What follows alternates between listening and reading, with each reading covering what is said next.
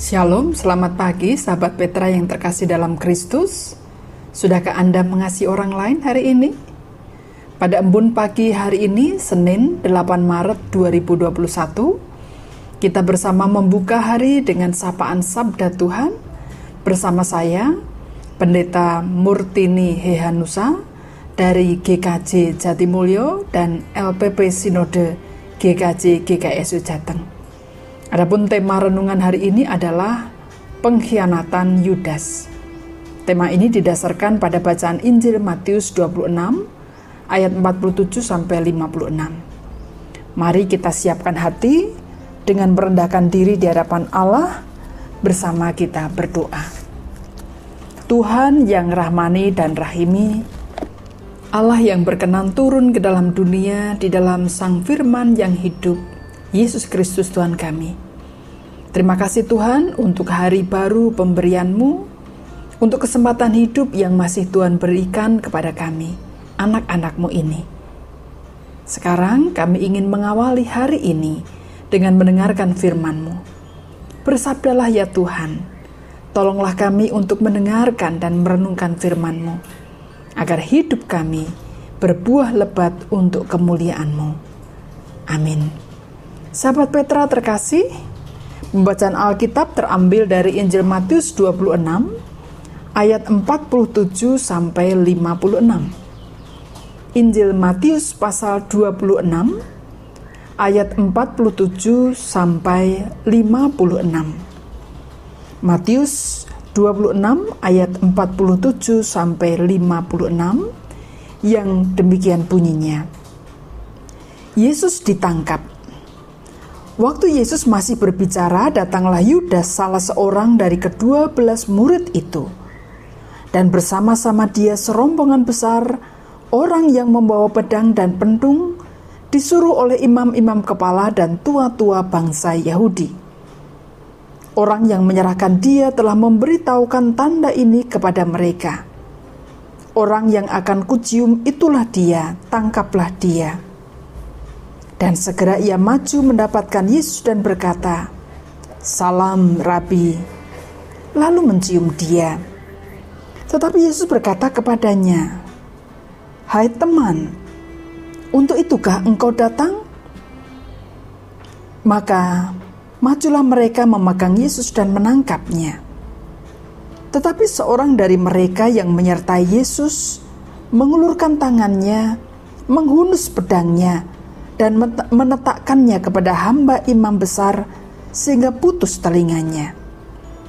Maka kata Yesus kepadanya, "Masukkan pedang itu kembali ke dalam sarungnya, sebab barang siapa menggunakan pedang akan binasa oleh pedang." Atau kau sangka bahwa aku tidak dapat berseru kepada Bapakku supaya ia segera mengirim lebih dari 12 pasukan malaikat membantu aku? Jika begitu, bagaimanakah akan digenapi yang tertulis dalam kitab suci yang mengatakan bahwa harus terjadi demikian?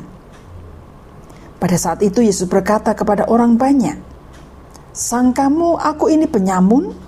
maka kamu datang lengkap dengan pedang dan pentung untuk menangkap aku. Padahal tiap-tiap hari aku duduk mengajar di bait Allah, dan kamu tidak menangkap aku. Tetapi, akan tetapi semua ini terjadi supaya genap yang ada tertulis dalam kitab nabi-nabi. Lalu semua murid itu meninggalkan dia dan melarikan diri. Sahabat Petra, banyak orang mengatakan betapa sakitnya dikhianati. Mungkin ada sahabat Petra yang pernah dikhianati. Dikhianati suami atau istri, pacar atau teman kerja, teman sekolah, sahabat, atau orang terdekat lainnya.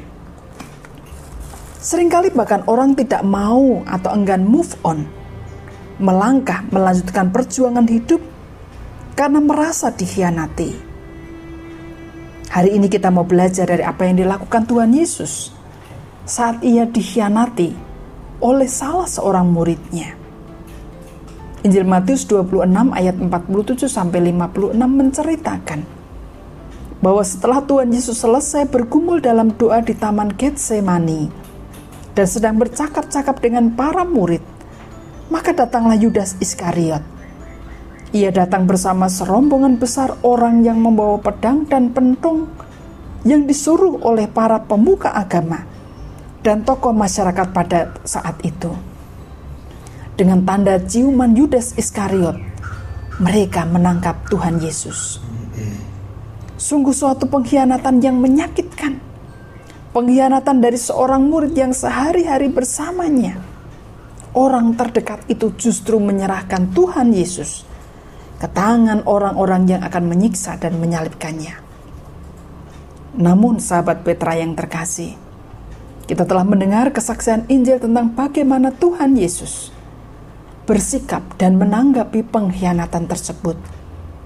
Saat ini, Mari kita belajar dari sikap dan tanggapan Tuhan Yesus tersebut, dari respons Tuhan Yesus tersebut. Yaitu yang pertama, mari tetap tenang, jangan terpancing emosi. Sekali lagi, mari tetap tenang, jangan terpancing emosi. Tuhan Yesus sebelum peristiwa penangkapan itu sudah punya firasat bahwa ia akan dikhianati. Matius 26 ayat 46 setelah ia berdoa di Taman Getsemani, ia berkata kepada para murid, "Bangunlah, marilah kita pergi. Dia yang menyerahkan aku sudah dekat." Sahabat Petra, seperti halnya yang dirasakan Tuhan Yesus, dalam hidup sehari-hari kadang kita punya firasat atau tahu bahwa ada orang yang akan mengkhianati kita. Mungkin dari gelagat perilakunya, atau mungkin dari cerita-cerita yang kita dengar dari orang lain. Semua itu bisa membuat hati kita bergemuruh panas penuh emosi. Namun, hari ini kita mau belajar dari Tuhan Yesus, Sang Firman Allah yang telah menjadi manusia, Sang Teladan dan Guru kita. Mari, seandainya saudara berada dalam situasi dikhianati, Saudara diajak untuk tetap tenang dan tidak terpancing emosi. Yesaya 30 ayat 15 menulis, Dalam tinggal tenang dan percaya terletak kekuatanmu. Pelajaran kedua yang kita dapatkan dari sikap dan tanggapan Tuhan Yesus ketika dikhianati adalah tidak melawan dengan kekerasan. Sekali lagi, tidak melawan dengan kekerasan. Diceritakan dalam Injil bahwa ia menegur salah seorang pengikutnya yang marah dan mengunus pedangnya ke hamba imam besar sehingga telinga hamba itu putus. Ia berkata kepada muridnya itu, "Masukkan pedang itu kembali ke dalam sarungnya." Sebab barang siapa menggunakan pedang, ia akan binasa oleh pedang. Sahabat Petra terkasih, kita kadang tergoda untuk melawan kekerasan dengan kekerasan, caci maki dengan caci maki, fitnahan dengan fitnahan, ketidakbaikan dengan ketidakbaikan. Tetapi hari ini Tuhan Yesus mengajak, mengajak saudara dan saya untuk melawan dengan bijaksana, bukan dengan kekerasan, bukan dengan ketidakbaikan. Berbicara tentang melawan tanpa kekerasan, kita ingat pada satu sosok Kristen, pengikut Kristus dari Afrika Selatan yang bernama Nelson Mandela. Ia dikenal sebagai pejuang kemanusiaan yang membebaskan orang-orang Afrika Selatan dari pengaruh politik apartheid yang diterapkan pemerintah ras kulit putih pada saat itu. Politik yang merendahkan orang kulit hitam di negerinya sendiri Selama 27 tahun, Nelson Mandela dipenjara karena memperjuangkan hak-hak warga kulit hitam. Karena kiprahnya dalam memberantas rasisme, kemiskinan, dan kesenjangan sosial di negaranya itulah ia akhirnya dijuluki sebagai bapak bangsa Afrika Selatan. Tahun 1993, karena upayanya dalam menghapuskan apartheid bersama kawannya, de Klerk, Mandela pun mendapatkan Nobel Perdamaian. Di tahun berikutnya pada tanggal 27 April 1994, Afrika Selatan resmi mengadakan pemilihan demokrasi pertama mereka yang melibatkan orang kulit putih dan kulit hitam. Dalam pemilihan tersebut, Mandela terpilih sebagai presiden kulit hitam pertama di Afrika Selatan. Ia dinobatkan sebagai presiden di usianya yang ke-77 pada tanggal 10 Mei 1994. Sementara de Klerk menjabat sebagai wakil presiden yang mereka jalani hingga tahun 1999. Pada tanggal 5 Desember 2013, Nelson Mandela meninggal dunia di rumahnya di Johannesburg, Afrika Selatan dalam usia 95 tahun. Sahabat Petra, yang menarik dari kisah hidup Nelson Mandela adalah apa yang ia lakukan tatkala ia baru keluar dari penjara.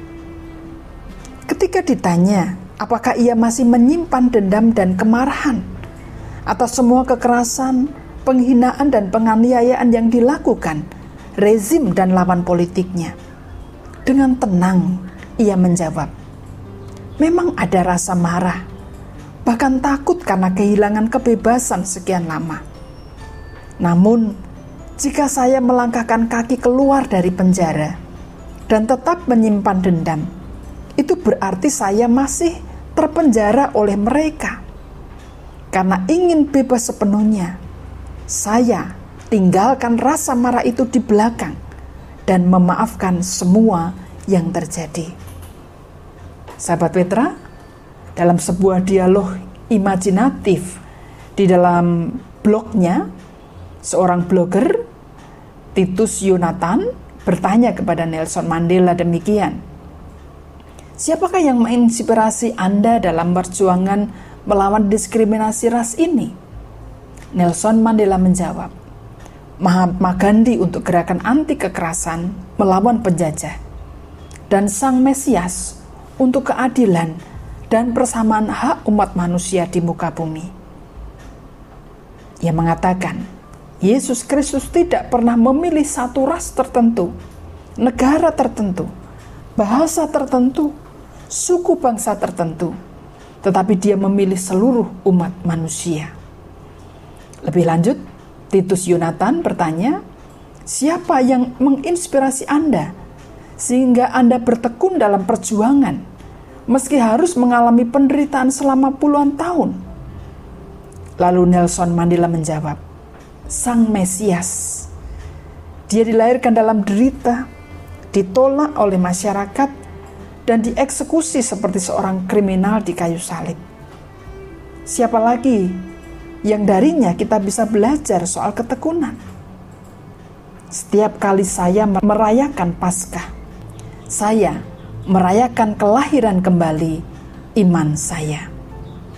Pelajaran ketiga yang kita dapatkan dari sikap dan tanggapan Tuhan Yesus ketika dikhianati Yudas adalah sampaikan isi hati saudara, sampaikan isi hati Anda dengan baik-baik, dengan cara yang baik. Hal ini nampak dari kata yang dipilih Tuhan Yesus dalam ayat 50. Tuhan Yesus berkata kepada Yudas, "Hai teman, untuk itukah engkau datang?" Tuhan Yesus tidak berkata, "Kurang ajar kamu ya. Selama ini kita bersama-sama dalam suka dan duka. Ternyata kamu pengkhianat." Tidak, Saudara. Tuhan Yesus tidak berkata-kata seperti itu. Bahkan kepada orang-orang yang menangkapnya ia berkata, Sang kamu aku ini penyamun? Maka kamu datang lengkap dengan pedang dan pentung untuk menangkap aku. Padahal tiap-tiap hari aku duduk mengajar di bait Allah dan kamu tidak menangkap aku. Apa yang dilakukan oleh Tuhan Yesus itu pula lah yang dilakukan oleh Nelson Mandela. Ia bisa bersikap baik-baik kepada orang-orang yang memusuhinya, bahkan merendahkannya, karena ia mau mengampuni mereka. Tentang mengampuni, Nelson Mandela mengatakan, kita harus mengampuni tanpa melupakan apa yang sudah terjadi.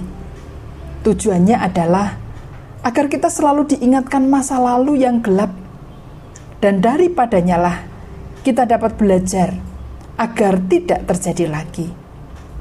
Lebih lanjut, ia berkata, "Ketika hati kita terluka sangat dalam, maka kita harus mengampuni. Hati kita bisa pulih dari luka itu ketika kita bisa mengampuni." Ketika Nelson Mandela mengajak de Klerk untuk menjadi wakilnya dalam pemilihan presiden, ia ditanya oleh wartawan, Apakah cara Anda itu bisa diterima oleh de Klerk, bahkan oleh penguasa kulit putih yang Anda tentang? Nelson Mandela menjawab, prinsipnya sederhana, berbicaralah dengan bahasa hati, dengan lawan Anda. Jika kita berbicara dengan seseorang, dengan bahasa literal saja asal bisa dimengerti, perkataan kita hanya akan mampir di kepalanya. Tetapi jika kita berbicara dengan bahasa hati, perkataan kita akan merasuk ke dalam hatinya. Untuk itu diperlukan pikiran yang baik dan hati yang baik. Dia mengatakan, a good head and a good heart are always a formidable combination.